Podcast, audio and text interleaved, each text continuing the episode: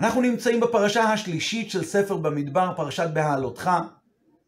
בהמשך הפרשה נלמד על הנסיעה של בני ישראל לארץ ישראל. ההכנות לנסיעה הזו החלו בראש חודש אייר, בשנה השנית לצאתה מארץ מצרים. שנה אחרי יציאת מצרים, בראש חודש אייר, שנה וחודש. שנה ושבועיים למעשה. ובפרשת בהעלותך, כמה פסוקים לפני שאנחנו מתחילים ללמוד על הנסיעה בפועל, התורה מספרת לנו את המילים האלה. התורה כותבת ככה, וידבר השם אל משה במדבר סיני, באחד לחודש, בשנה השנית, בחודש הראשון לצאתה מארץ מצרים לאמור. כלומר, התורה מדברת, ואז התורה נותנת את הציוויים לעשות את קורבן הפסח, ויעשו את הפסח במועדו, אחרי זה מגיע הדינים של פסח שני. וזה מעניין מאוד, אנחנו בתחילת הפר... ספר במדבר כבר מדבר על ההכנות לנסיעה בראש חודש אייר, ופה פתאום התורה חוזרת חזרה על המאורעות שהיו בראש חודש ניסן, שבני ישראל הצטוו להתכונן לקורבן פסח בראש חודש ניסן, בפסח שני, וכולי וכולי. השאלה שנשאלת היא, היי, למה שמו את זה כאן בסדר הזה? רש"י מיד מתעכב על המילים האלה, ורש"י כותב על המילים בחודש הראשון, הוא אומר, פרשה שבראש הספר לא נאמרה עד אייר. למדת שאין סדר מוקדם ומאוחר בתורה. דע לך, נכון, שמת לב, נכון לעניין הזה, ואין מוקדם, אין סדר מוקדם ומאוחר בתורה. זה מה שרש"י אומר. התורה בחרה לכתוב את זה כאן וזה כאן, ולא לומדים כאן את הסדר הכרונולוגי. השאלה שנשאלת היא, הנושא הזה של אין מוקדם ומאוחר בתורה זה נושא שהוא מטופל כבר באריכות בהרבה פסוקים בעבר. רש"י בעצמו הביא כמה וכמה הוכחות לעניין הזה של אין מוקדם ומאוחר בתורה. מה פתאום כאן הוא פתאום מתעורר ואומר, היי, למדת, אתה הלומד, דע לך, אין סדר מוקדם ומאוחר בתורה. אנחנו יודעים את זה כבר לפני כן. יתרה מזו, הפרט הזה עצמו, שהפרשה שבראש הספר, פרשת תחילת ספר במדבר, לא מופיעה לפי הסדר שלה, היא אה, כבר נושא שדנו בו כבר בפרשת נשוא, פרשה השנייה של ספר במדבר. פרשת נשוא, התורה מספרת לנו על קורבנות הנשיאים, ויהי, ומתי זה היה? ויהי ביום כלות משה להקים את המשכן, וביום כלות משה להקים את המשכן זה היה ראש חודש ניסן. רש"י אומר, ראש חודש ניסן היה, אז כבר משם אנחנו יודעים שהפרשה שבראש ספר במדבר לא הופיעה לפי הסדר שלה, כי היא בראש חודש אייר, וכאן אנחנו מדברים על ראש חודש ניסן. ואגב, רש"י שם לא כותב שום דבר על העניין הזה של למדת שאין מוקדם ומאוחר בתורה. כי ברור שזה עכשיו משהו אחר. דרך אגב, גם בפרשת נסוק, כשהתורה מדברת, אחרי שהתורה מדברת על המחנות, התורה מדברת על ציווי של קדושת המחנות, טהרת המחנות. וישלחו מן המחנה כל מי שהוא לא טהור, צריך לצאת לתקופה עד שהוא חוזר ונטהר. ורש"י שם כותב, פרשה זו נאמרה ביום שהוקם המשכן בראש חודש ניסן. אז אנחנו כבר יודעים שזה היה, שכאן הסדר הוא לא בדיוק מסודר כאן. למה רש"י כאן מתעורר בפרשת בהעלותך וכותב, למדת שאין מוקדם ומאוחר, שאין סדר מוקדם ומאוחר בתורה. אלא מה? התשובה היא כזאת מאוד מאוד פשוטה. החידוש כאן הוא, בפרשה שלנו, שאין סדר מוקדם ומאוחר בתורה. זה לשון שרש"י לא השתמש בה עד עכשיו. הוא אמר במקומות אחרים אין מוקדם ומאוחר בתורה. יש איזו פרשה מסוימת לדוגמה, איזה מאורע, איזשהו דיבור של הקדוש ברוך הוא, שהדיבור הזה, המאורע שאירע, לא כתוב במקום. שם באמת לא קיים כל כך קושי, כי התורה היא לא אה, ספר היסטוריה והיא לא ספר דברי הימים. היא, התורה היא לא מספרת את סדר המאורעות ואת הזמנים לכל ציווי וציווי. ובכל המקומות שבהם רש"י כותב אין מוקדם או מאוחר בתורה, רש"י מתכוון פשוט שלא תעשה טעות. אתה לומד, אל תעשה טעות לגבי הזמן, לגבי המאורע, לא, זה היה מאורע שקדם לפי המיקום שלו בתורה, זה היה כבר לפני כן, במובן של הזמן. אל תעשה טעות בעניין הזה. כנראה שרש"י חשוב לו במקומות מסוימים להסביר לתלמיד, אל תעשה טעות. מאוד חשוב שתדע שפה אין מוקדם ומאוחר בתורה, אבל הנושא הזה הוא באמת לא נושא כל כך קשה. כי כאמור, התורה היא לא ספר של דברי הימים. ולכן, באמת בפרשת נשוא, כאשר אנחנו קוראים, ויהי ביום כלות משה להקים את המשכן, או הפסוק וישלחו מן המחנה, רש"י שם לא אומר אין מוקדם ומאוחר בתורה. רש"י בסך הכל כותב שמתי זה בדיוק נאמר. ורש"י אומר, זה היה ביום ראש חודש ניסן. וזה ברור מאלה, וזה ברור, וזה לא כל כך קשה. ובאמת מובן שפרשה שפתחה את ספר במדבר, היא נכתבה לא לפי הסדר. פה יש משהו מיוחד. התורה כאן מצווה להקריב את קורבן הפסח. וידבר השם אל משה, והתורה מדגישה את הזמן ואת הסדר. זה נראה כאילו יש עניין לתורה להדגיש לנו. שים לב, אתה לומד, וידבר השם אל משה במדבר סיני, בשנה השנית, לצאתה מארץ מצרים, בחודש הראשון לאמור. אז פה אנחנו רואים כאן שהתורה רוצה לכתוב לנו, דע לך את הזמן המדויק של הציווי שבו, אה, הזמן שבו נאמר הציווי הזה והזה. וגם בתחילת ספר במדבר, כאשר אנחנו לומדים על ההכנות לנסיעה של בני ישראל מהר סיני לכיוון ארץ ישראל, כתוב במפורש, תחילת הספר, וידבר השם אל משה, במדבר סיני, באוהל מועד, באחד לחודש השני בשנה השנית לצאתה מארץ מצרים לאמור. ולמרות שהתורה מדגישה את הסדר, והתורה כותבת את הזמן המדויק, למרות כל זאת כתובות הפרשיות אחת לגבי השנייה בסדר הפוך. התורה הייתה צריכה לפתוח את ספר במדבר עם הציווי הזה על קורבן פסח, ובפרשת בעלותך, רגע לפני הנסיעה, נלמד על ההכנות לנסיעה. ההכנות לנסיעה היו באחד לחודש השני בשנה השנית. לכן רש"י מסביר, מפה למדת משהו מיוחד. למדת, כאן לומדים שאין סדר מוקדם ומאוחר בתורה, שגם כאשר התורה מדגישה את הזמן של ההתרחשות של מאורע מסוים, שכפי הנראה התורה רוצה להגיד לך את הסדר, לא. גם אז אין סדר מוקדם ומאוחר בתורה. למדת, ומכאן אתה לומד את העניין הזה. אז רש"י ממשיך ואומר, אוקיי, ואז רש"י אומר, ולמה לא פתח בזו? למה באמת הוא לא פתח? אם באמת אין סדר, אז אין סדר. אבל בכל זאת, למה הוא לא פתח את ספר במדבר בפתיחה הזו של הציווי לעשות את קורבן פסח? אומר לנו רש"י, מפני שהיא גנותן של ישראל, שכל ארבעים שנה שהיו ישראל במדבר, לא הקריבו אלא פסח זה בלבד. כלומר, הסיבה למה בכל זאת התורה לא בחרה ל- לכתוב את ספר במדבר, לפתוח את ספר במדבר עם הציווי הזה, כי זה מזכיר לנו ומדגיש לנו משהו שלילי בעם ישראל. אנחנו צריכים לדעת את הנושא הזה, אבל אם היינו פותחים את זה, זה היה מדגיש את הגנות של עם ישראל. שמה? שעם ישראל במהלך כל ימי שהותם במדבר עשו רק פעם אחת קורבן פסח. במבט ראשון זה לא מובן. הרי אם אנחנו אמרנו שאין, אתה עצמך, רגע, רש"י, אתה עצמך לימדת אותנו רגע לפני שאין סדר מוקדם ומאוחר בתורה. אז אין סדר, אז מה, מה, מה פשר השאלה? ומה הטעם פתח, למה לא פתח בפרשה הזו? אתה עצמך אמרת שאין סדר, אם אין סדר אז אין סדר. אלא רש"י אומר ככה, יכולנו ככה לענות, יש הבדל אם אני אומר, מכאן שאין מוקדם ומאוחר בתורה, או ללמדך שאין מוקדם ומאוחר בתורה, או למדת שאין מוקדם ומאוחר בתורה. אגב, זה לשונות שונים. בספרי באמת כתוב ללמדך. כאילו, לפי הפרשנות של הספרי, זה שהתורה שינתה את הסדר, זה כדי ללמד אותך את העיקרון הזה, שהוא עיקרון חשוב ללימוד בפסוקים אחרים ובפרשיות אחרות. טוב לדעת את העניין הזה, שאין סדר מוקדם ומאוחר בתורה. רש"י לא אומר ככה. רש"י אומר ללמדת. כאילו על הדרך, זה שהתורה שינתה את הסדר, יש לזה איזו סיבה אחרת.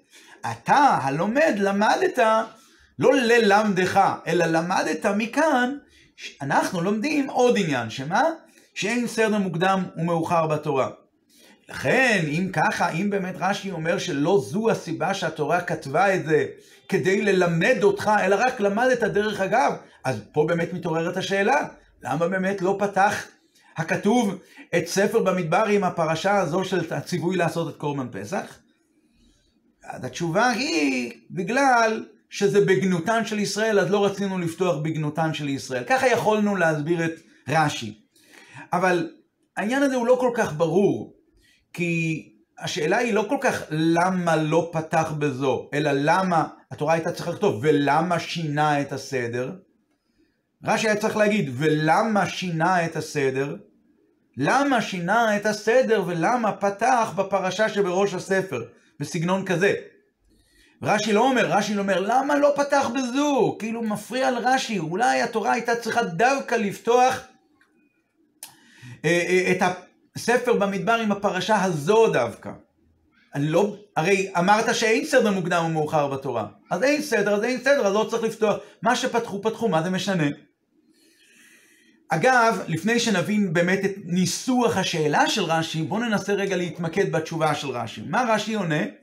גנותן של ישראל, כל 40 שנה שהיו ישראל במדבר, לא הקריבו אלא קורבן פסח בלבד.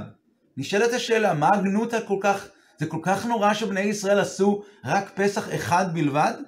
הרי במפורש בספר שמות כתוב שבבואכם אל ארץ, כי תבואו אל הארץ, אז תעשו את והיה כי הביאך השם אלוקיך אל הארץ אשר נשבע לאבותיך, אז ושמרת את החוקה הזאת למועדה מימים ימימה, לעשות את קורבן פסח, את כל המצוות שקשורות, והיה כי שלך בנך מחר, כל הדברים האלה שקשורות לליל הסדר, כל המצווה הזו, התורה במפורש תולה אותה בכניסה לארץ ישראל. רש"י עצמו אמר את זה בספר שמות פרשת בו, תלה הכתוב מצווה זו, מצוות קורבן פסח, בביאתן לארץ, ולא נתחייבו במדבר אלא פסח אחד שעשו בשנה השנית על פי הדיבור. היה איזשהו עניין יוצא דופן שהשם אמר, וידבר השם אל משה במדבר סיני בשנה השנית בחודש הראשון, כן לעשות את הפסח, אבל בעיקרון, בעת הציווי המקורי על קורבן פסח בפרשת בו, כבר אנחנו יודעים שזה לא, אה, אה, זה לא, עניין, זה לא מצווה ש, שקשורה למדבר, זה מצווה שקשורה לארץ ישראל. אז אם הם הצטוו במפורש, למה זה כל כך גנות? אדרבה, במידה מסוימת, הקרבת הפסח במדבר היא, חוץ מהפעם הראשונה שהיא באמת נאמרה על פי הדיבור, היא אסורה. אסור להקריב במזבח.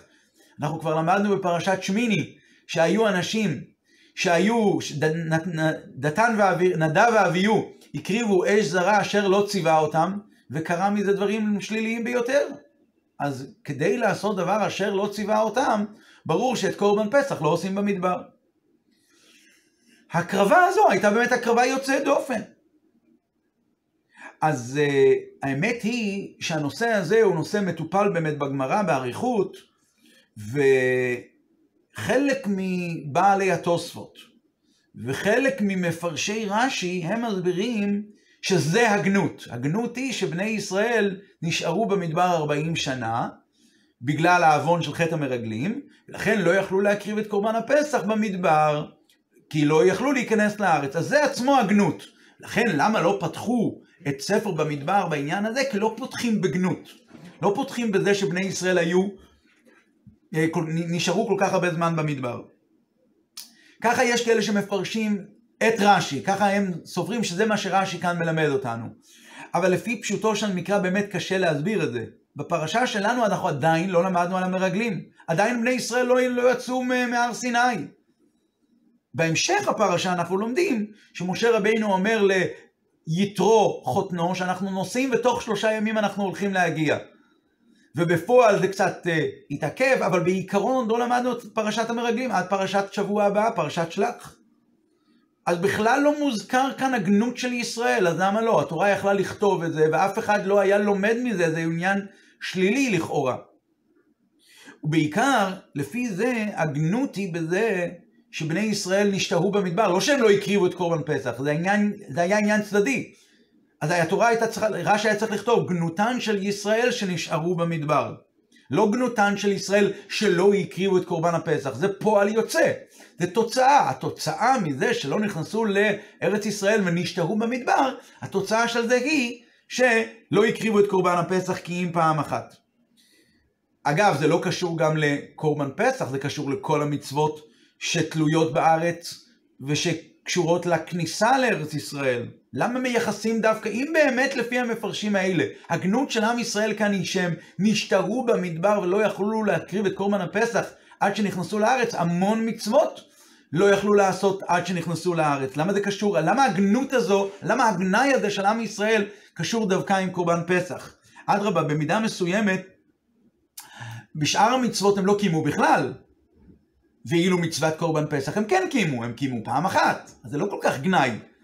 ושאר המצוות, כל עוד לא נכנסו לארץ, לא, כל המצוות התלויות בארץ, לא יוכלו לקיים אותן.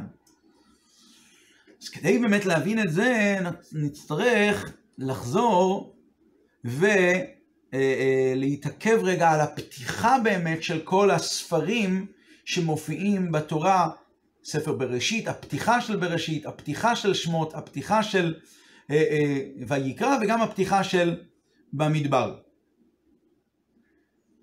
ב... ב... אנחנו רואים שיש הקפדה מאוד מאוד גדולה שתחילת ספר יהיה בחיבתן של ישראל. בספר שמות אנחנו רואים את זה, בספר ויקרא וגם בספר אה, בראשית. נתחיל עם ספר בראשית. ספר בראשית עוסק בבריאת כל העולם. מיד רש"י אומר, ומה הטעם פתח בבראשית? אלא כוח מעשיו הגיד לעמו, לתת להם נחלת גויים. המיוחד של עם ישראל, שהקדוש ברוך הוא פותח בבראשית, בתחילת, בכל הסיפור של הבריאה, כדי שהוא ברא את העולם והוא נתן לעם ישראל את ארץ ישראל. אחרי זה אנחנו עוברים לספר שמות, הפתיחה היא אלה שמות בני ישראל מונה חיבתם, אותו דבר בויקרא. ויקרא אל משה, זה הפתיח, ויקרא אל משה, אז הוא אומר, לכל דיברות ולכל אמירות ולכל ציוויים קדמה קריאה. השם קורא למשה, קריאה לשון חיבה, וקרא זה אל זה ואמר, קריאה זה לשון חיבה. וגם בפתיחה של ספר במדבר, הפתיחה של ספר במדבר היא המניין של בני ישראל, שמתוך חיבתן, השם כל כך מחבב אותם, אנו סופר אותם בכל שעה ושעה. אז מכיוון שהעניין הזה, שפתיחה של ספר בתורה, אנחנו כבר יודעים מהפסוקים, מהספרים הקודמים, אז השאלה של רש"י כאן, ולמה לא פתח בזו, היא כי בפרשה הזו, פרשת קורבן פסח והציווי של השם כן לעשות את קורבן פסח במדבר, פעם אחת, הפתיחה הזו היא לכאורה כן מבטאת את החביבות של עם ישראל, והיה מתאים לפתוח דווקא בה, שהיא-היא זו שתהווה הפתיח לספר במדבר. מה באמת ההסבר? למדנו כבר את ספר בראשית, למדנו כבר את ספר שמות, ובספר ויקרא גילינו ציוויים של הקדוש ברוך הוא למשה אחרי הקמת המשכן. אוקיי, ואז מגיע חומש במדבר, והוא עוסק במאורעות של בני ישראל, איך שהם מתנהגים במדבר. זה בעיקרון ספר במדבר. אז אם ככה, היה מתאים לפתוח את ספר במדבר במעלה של עם ישראל שהם נוהגים במדבר בפועל לפי ציוויי השם. ומה המנהג הראשון שהם עושים במדבר? ויעשו את הפסח במועדו ככל אשר ציווה. השם את משה כן עשו בני ישראל, הם עשו את זה בשלימותו, כל בני ישראל הקריבו והשת... והשתתפו, עד כדי כך שבאו אנשים שלא יכלו, והם צעקו למה ניגרע. אז נכון, גם הפתיח הוא, הפתיח של הספר במדבר הוא מדבר על אה, פתיחה טובה, מונה את חיבתן של בני ישראל, אבל החיבה הזו, מכיוון, דבר ראשון, הפרשה הזו, פרשת אה, קורבן פסח שהשם מצווה את בני ישראל של לעשות את הפסח ושבני ישראל באמת עושים את זה, זה יתרחש מוקדם יותר. ושנית, זה שבאמת מתוך חיבתן מונה אותם בכל שעה ושעה. זה, זה כבר דבר שאנחנו כבר מכירים אותו מספר שמות. ואלה שמות בני ישראל הבאים מצרימה, והתורה מונה אותם, ושם רש"י גם אומר שהפתיח של ספר שמות הוא שהשם מונה אותם. כמו אדם שמונה, אה, הוא סופר אותם ומונה אותם מתוך חיבתן. אז הנושא הזה הוא לא נושא בר חידוש. אז לכאורה זה מה שכאן הפריע כאן לרש"י. רש"י אומר, אם חומש ברש... במדבר היה נפתח בפרשה שלנו, היו כל הפרשיות, כל פרשיות אה, אה, במדבר, כל פרשיות של ספר במדבר, הן הולכות מה, מהקל אל הכבד כביכול. הפתיחה של... וכל ה... סליחה, כל הספרים היו עולים מן הקל אל הכבד. פתיחת ספר בראשית פותחת בכל העולם כולו ובחיבתן של ישראל במובן הכללי. פתיחת ספר שמות פותחת בחיבה של עם ישראל, שהשם מונה אותם וסופר אותם לא רק ביחס לאומות העולם, אלא בכלל. מונה אותם וסופר אותם. הפתיחה של ספר ויקרא מדברת על החיבה של הקדוש ברוך הוא לישראל בנושא הזה של ציוויים ומצוות, ולכל ציוויים קודמת קריאה, ויקרא אל משה, לכל דיברות ולכל אמירות ולכל ציוויים, לא רק כדיבור אל משה ספציפי שהשם מחבב את משה, אלא בכלל, יש כאן איזה עניין גדול מאוד. ואז הפתיח, ואז מגיע הספר במדבר, ספר במדבר, היה פותח, וידבר השם אל משה במדבר סיני, בשנה השנית בחודש הראשון, ויעשו את הפסח במועדו. הנה, המשכן כבר נבנה, וכעת עושים, והרוטיניקה של עבודת המשכן היא, היא מתבצעת על הצד הטוב ביותר, וכל עם ישראל משתתף. ואפילו היו כאלה שלא יכלו לקיים, והם באים והם אומרים, למה ניגרע? אז זה היה הרבה יותר, זה היה וזה הרבה, זה כבר רמה גבוהה של, של חיבה. בני ישראל, אה, לא רק שהם משובחים בעיני הקדוש ברוך הוא, לא רק שהקדוש ברוך הוא מחבב אותם, אלא הם עצמם הולכים והם באים ורצים לעשות את ציווי השם, והשם שמח מזה, ועד כדי כך שיש כאלה שהם לא יכלו לעשות את זה, והשם אומר להם, יש לכם אפשרות לעשות פסח שני. זה מבטא את החיבה של עם ישראל. זה השאלה של רש"י. ולמה לא פתח בזו? פתיחה כזו הייתה פתיחה הרבה יותר טובה מכל הכיוונים. אז זה עונה רש"י, אין לנו, אה, אי אפשר לפתוח. אי אפשר לפתוח עם הפרשה הזו. מפני שהיא גנותן של ישראל, שכל מ"ם שנה שהיו ישראל במדבר, לא הקריבו אל הפסח זה בלבד. הוא אומר ככה, הוא אומר נכון, יש כאן באמת חיבה של עם ישראל, שעם ישראל, יש כאן חביבות כזו שעם ישראל עושה את מה שהשם מבקש ורוצה, אבל אגב החביבות הזו מתגלה כאן איזשהו פרט של גנאי ועדיף לא לספר על זה מיד, עדיף לא לפתוח עם הפרשה הזו. נכון, הקדוש ברוך הוא תלה את המצווה הזאת של קורבן פסח בכניסה לארץ. אבל בכל זאת, זה לא כמו שאר המצוות. שאר המצוות הן ממש תלויים בארץ, אי אפשר לעשות אותם קיים בארץ. כי המצוות של ה... של, שקשורות ל, לעבודת הקרקע, לעבודת האדמה, הם קשורים שיש לבני ישראל קרקע בארץ ישראל. כמו ביקורים, תרומות, מעשרות, אפילו מצוות חלה. אה, כל האלה הם קשורים לגוף, לגוף ארץ ישראל, לפירות של ארץ ישראל. אבל קורבן פסח, הנה, אפשר לעשות גם במדבר. עובדה שבאמת כך קרה. אלא מה? השם אמר, ש"והיה כי הביאך השם אלוקיך אל הארץ", עשית את העבודה הזאת ועבדת את העבודה הזאת אה, אה, מיים, אה, לפי החוקים שלה מימים ימים. תעשה את זה אותו דבר. אבל בעיקרון, יש אפשרות לעשות את זה במדבר? כן. יותר מזו, רואים בפרשה הזו, שרואים, א', רואים בפועל שבפרשה הזו השם, השם אומר למשה ולבני, ולאהרון ולבני ישראל, תעשו את הפסח במועדו, אז כן אפשרי לעשות במדבר. ויותר מזה, היו כאלה שלא, היו כמה יהודים שלא יכלו לעשות את הפסח במועדו, והם אמרו למה ניגרע, והשם אפשר להם לעשות פסח שני, שזה דבר שלא מצוי באף מצווה אחרת. הרי אנחנו יודעים שבדרך כלל עבר זמנו, עבר יומו בטל קורבנו, והנה מסתבר שלא. אז זה מה שמתעוררת השאלה, איך יכול להיות שבמשך כל ה-39 שנה שהיו בני ישראל במדבר, ולא משנה כרגע הסיבה, שזה היה בגלל עוון המרגלים, אנחנו בשלב הזה לא יודעים את זה. איך יכול להיות שבמשך כל ה-39 שנים הללו, הם לא דרשו והם לא ביקשו מהקדוש ברוך הוא, למה ניגרע? אנחנו רוצים להקריב את קורבן פסח. נכון אמנם שאנחנו במדבר ולא נכנסים לארץ ולא יכולים להיכנס לארץ, אבל למה, למה הם לא ביקשו את זה? והקורבן פסח זה קורבן רציני וחשוב, קורבן של הודיה להשם שהצילה מארץ מצרים והביא אותם לגאולה שלהם ולהיות קשורים לעם ישראל ולקבל את התורה.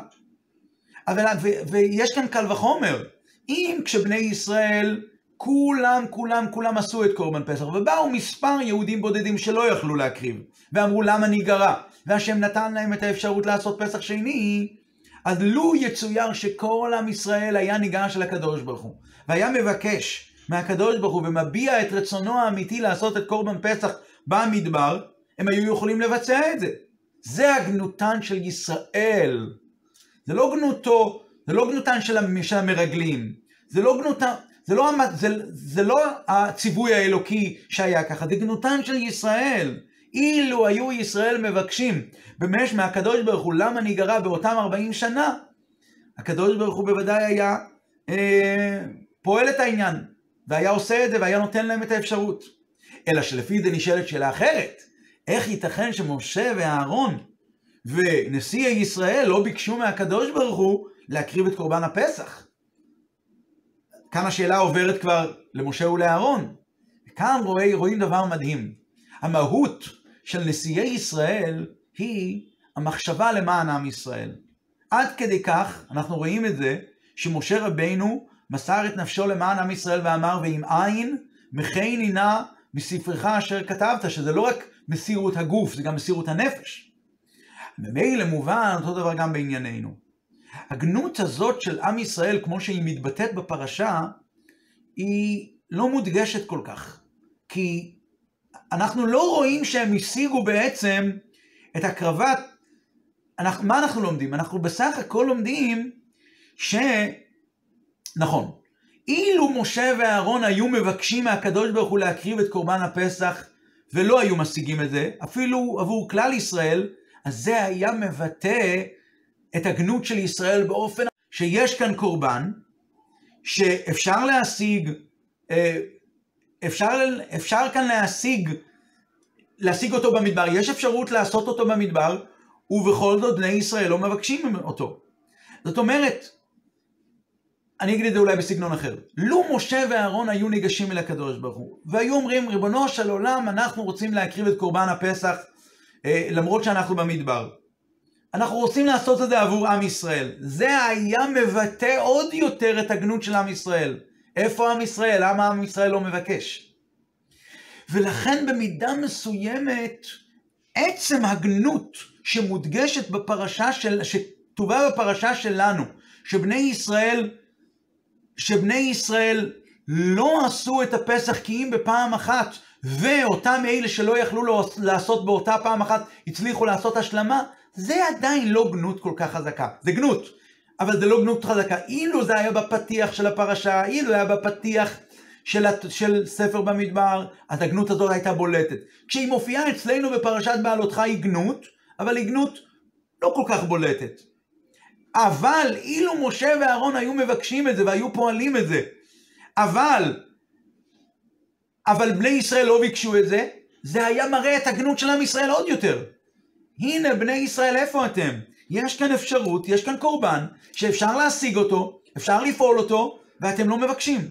משה ואהרון ויתרו על ההתעלות האישית שלהם באמצעות הקרבת קורבן פסח, שהם לא יצטוו, מכיוון שהם רואי ישראל הנאמנים, לא רצו שלבני ישראל יהיה גנות יותר מדי גדולה.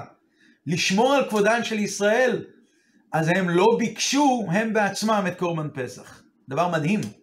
לפי זה, אנחנו נבין מה שרש"י אומר, אין סדר מוקדם ומאוחר בתורה, והעניין הזה נלמד דווקא מהפרשה הזו. למדת שאין סדר מוקדם ומאוחר בתורה. החובה של לעשות פסח שני, שזה החיד, החידוש שמופיע בפרשה שלנו, היא לא כמו החובה של פסח ראשון. יש חובות שנקבעו מלכתחילה, השם קבע מלכתחילה בסדר, כמו שזה. יש כאן פה חובה שהיא מחוץ לסדר. יש כאן כאלה שלא הקריבו את פסח ראשון בזמן, נותנים להם אפשרות נוספת. גם האופן שבו זה נאמר, המצווה הזאת, זה לא נאמר כמו המצוות האחרות שהקדוש ברוך הוא מצווה מלכתחילה, אלא היו צריכים לחכות ללמה ניגרע. אז בעבודת השם, זה העבודה של התשובה, שהעבודה הזו היא לא לפי הסדר הרגיל, היא לא לפי הנורמה, היא לא בדרך הישרה. השם אשר עשה את האלוקים ישר, אז יש כאן אדם שכאילו נכשל וחטא ופגם ועבר ועושה תשובה ועושה סוויץ' ומצליח. במידה מסוימת, כאן זה היה גם, גם כן הרעיון הזה. זה בעצם הרעיון שמוסבר בתורת הקבלה והסוד על העניין של טמא לנפש אדם. טמא לנפש אדם זה סוג של אה, אה, פגימה רוחנית, נפילה. אז רש"י אומר, היא גנותן של ישראל, שכל מ"ם שנה שהיו ישראל במדבר, לא הקריבו אלא פסח אחד בלבד. גם ההקרבה במשך אה, כל ה-40 שנה הייתה צריכה לבוא בצורה של, שלא לפי הסדר. בני ישראל, כמו שהקדוש ברוך הוא הורה להם לעשות את פסח שני, שלא לפי הסדר, ככה הם היו, צריכ, היו צריכים בני ישראל לבקש גם כן את זה, ולכן זה גנותן של ישראל, למה לא ביקשתם? והסיבה לזה היא, במשך כל השנים האלה הם היו במצב של, אה, של אחרי החטא, והם היו צריכים כאן לבקש את זה, היה צריכים כאן איזו עבודה כזו, שעבודה שהיא מעל הסדר, עבודה פנימית כזו, עבודה של תשובה, וזה הגנותן של ישראל. אז לפי זה יוצא שבפרשה שלנו, אנחנו כן לומדים על החשיבות של הבקשה למה ניגרע, והתורה היא הרי נצחית, אז זו הוראה נצחית גם לזמן כזה שאין לנו בית מקדש, ובכל המקומות ובכל הארצות, ולא משנה איפה יהודי נמצא, שיהודי צריך לבוא ולהגיד ולבקש מהקדוש ברוך הוא את צמח דוד עבדך מהרה תצמיח, כלו כבר כל הקיצין, הגיע כבר הזמן שבו תבוא הגאולה, וכמו שאנחנו מסיימים את התפילות שאנחנו מתפללים, בעת שמתפללים תפילת העמידה, בכל התפילות, בכל הימים, ראש השנה, יום כיפור, סוכות, שמחת תורה, חול המועד וימי החול, תמיד תמיד תמיד מסיימים את תפילת העמידה במילים יהי רצון מלפניך השם אלוקינו ואלוקי אבותינו שיבנה בית המקדש במהרה וימינו ותן חלקנו בתורתך, זה, זה החשיבות שאנחנו כן לומדים בפרשה הזו, ולכן היא מופיעה דווקא בצורה הזו דווקא, כדי ללמד אותנו את העניין הזה, את החשיבות של הבקשה הגדולה הזאת, למה ניגרע, בעזרת השם שהקדוש ברוך הוא ימלא את משאלות לבב כל עם ישראל ויביא כבר את הגאולה האמיתית והשלמה בקרוב בימינו, אמן.